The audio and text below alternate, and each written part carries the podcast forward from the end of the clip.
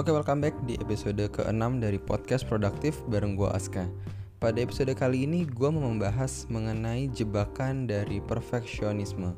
Sebelum gue mau membahas perfeksionis, gue mau share ada istilah yang banyak digunakan di dunia startup yaitu MVP atau minimum viable product. Bisa dibilang MVP adalah produk yang belum sempurna, namun sudah mulai dipasarkan atau dijual oleh startup tersebut.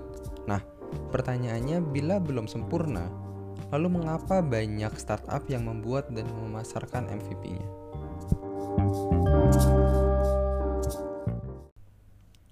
Oke, jadi alasan gue menggunakan contoh MVP tadi dikarenakan startup biasanya diharuskan untuk bisa berkembang dengan cepat oleh para investornya. Maka apabila harus menunggu sampai memiliki produk yang benar-benar sempurna, akan sangat sulit untuk bersaing. Hal ini karena biaya operasionalnya akan terus muncul, tingginya kompetisi dengan startup lainnya, dan perubahan market yang bergerak dengan sangat cepat. Maka dengan merelakan kesempurnaannya, banyak startup yang memutuskan untuk membuat MVP agar bisa dengan cepat menyesuaikan produk yang dibuat sesuai dengan kebutuhan market, serta bisa melakukan iterasi untuk menyempurnakan produknya secara bertahap. Nah, kemudian prinsip MVP tadi bisa diterapkan juga untuk produktivitas personal kita saat kita melakukan suatu hal. Ada istilah yang terkenal yaitu good is better than perfect yang artinya lebih baik kita menyelesaikan sesuatu secara cukup baik daripada harus menunggu sampai hasilnya benar-benar sempurna.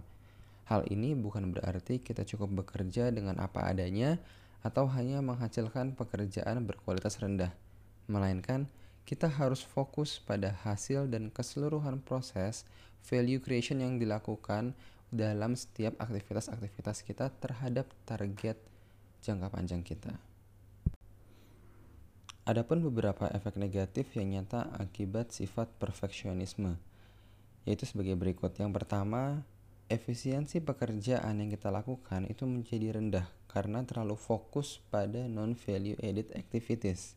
Yang kedua, menjadi perfeksionis juga akan membatasi diri kita untuk mendapatkan kesempatan-kesempatan lain yang sebenarnya ada di luar sana. Dan yang ketiga yang paling parah menurut gue adalah banyak penelitian yang sudah membuktikan bahwa perfeksionisme ini itu mempengaruhi kesehatan mental seseorang di mana orang tersebut lebih rawan untuk depresi, mudah khawatir, hingga memiliki kemungkinan yang lebih tinggi untuk melakukan bunuh diri.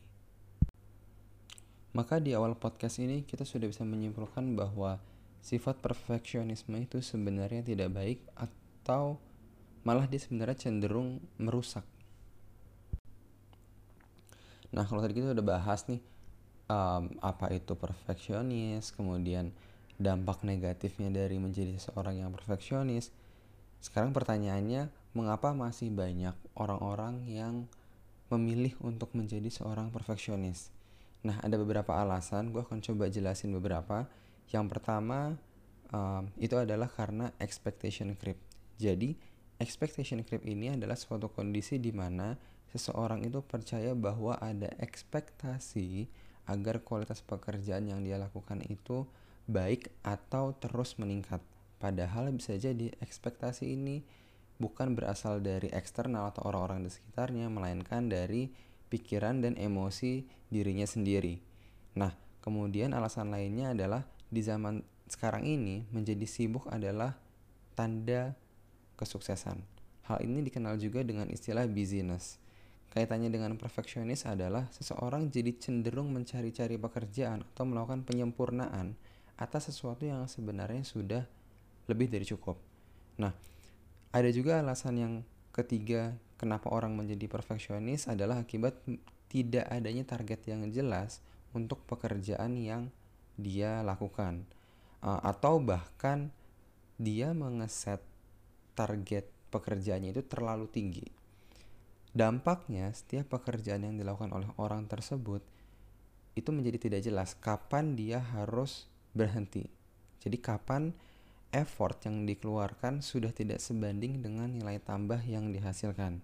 Nah, ada juga nih orang itu buk ketika dia menjadi seseorang yang perfeksionis atau berusaha menyempurnakan pekerjaannya bukan karena suatu keharusan, tapi karena orang tersebut sebenarnya dia menghindari ada pekerjaan lain yang lebih penting, cuman karena dia nyaman dengan satu pekerjaan yang dilakukan, maka dia berusaha untuk menyempurnakan pekerjaan yang dia rasa nyaman. Nah, sebenarnya hal ini adalah salah satu tipe dari procrastination juga.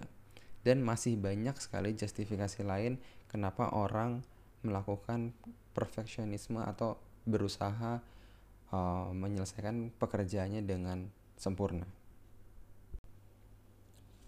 Jadi menurut gue pribadi nih kualitas sebuah pekerjaan itu adalah sebuah spektrum ya yang dimulai dari kualitas yang sangat rendah atau bahkan tidak ada sama sekali kemudian kualitas yang cukup hingga kualitas yang sangat sempurna.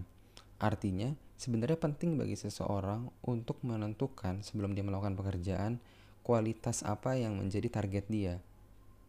Nah, kalau teman-teman ingat di episode sebelumnya dalam produktivitas itu kita sudah membahas ada elemen prioritas dan elemen waktu. Maka kaitannya dengan perfeksionis ini adalah elemen kualitas atau value yang dihasilkan. Prinsip utamanya sebenarnya gini. Jangan sampai kita menghabiskan effort waktu atau tenaga kita di saat effort kita itu sudah lebih besar daripada value edit yang dihasilkan. Dan kalau secara keseluruhan ya, gue percaya bahwa sebenarnya hukum Pareto itu berlaku di kehidupan kita. Artinya, sebenarnya hanya 20% dari pekerjaan yang kita lakukan yang memberikan 80% value edit di kehidupan kita. Maka kalau kita ingin melakukan segala sesuatunya menjadi sempurna, sebaiknya kita bikin sempurna yang 20% tersebut.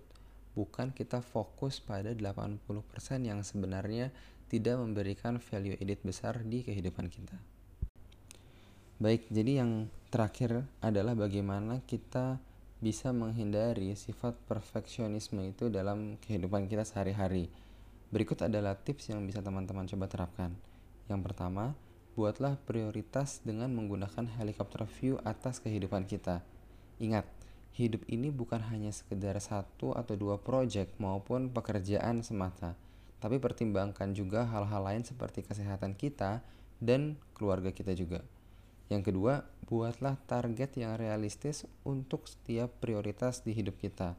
Kalau gue pribadi, gue selalu berusaha memastikan value atas apa yang gue kerjakan itu lebih besar daripada effort yang gue keluarkan. Yang ketiga, coba breakdown project atau pekerjaan kita sampai dengan level yang detail atau actionable listnya apa. Hal ini akan membantu kita mengklarifikasi aktivitas-aktivitas yang perlu dilakukan di setiap prosesnya. Dan yang terakhir, lakukan evaluasi secara periodik Hal ini akan sangat bermanfaat untuk pekerjaan atau proyek yang sifatnya jangka panjang. Karena ya keadaan itu akan berubah secara dinamis seiring berjalannya waktu. Maka kita tidak bisa kaku pada planning awal yang sifatnya konstan. Sekarang gue mau ngasih contoh uh, dari pengalaman pribadi gue bagaimana gue melakukan manage up dengan orang-orang yang ya sebenarnya secara hierarki bukan merupakan direct report gue. Yang pertama, ketika mendapatkan tugas atau request, gue akan mengklarifikasi tujuan dan ekspektasi dari orang tersebut, sehingga gue tidak menghabiskan waktu yang sia-sia untuk hal yang sebenarnya tidak diperlukan. Nah, kedua, gue akan coba berikan laporan secara berkala, khususnya tadi ya, untuk project-project atau tugas yang sifatnya jangka panjang, uh, bagaimana progres gue mengerjakan pekerjaan tersebut. Praktik ini gue lakukan supaya gue tidak bekerja di luar ekspektasi dari sang requestor. Intinya gini, jangan sampai gue bekerja 10 jam demi menghasilkan nilai 10, padahal cukup dengan bekerja 5 jam, itu gue bisa menghasilkan yang nilainya 8,5 dan sebenarnya sudah sesuai atau bahkan lebih dari uh, ekspektasi sang requestor.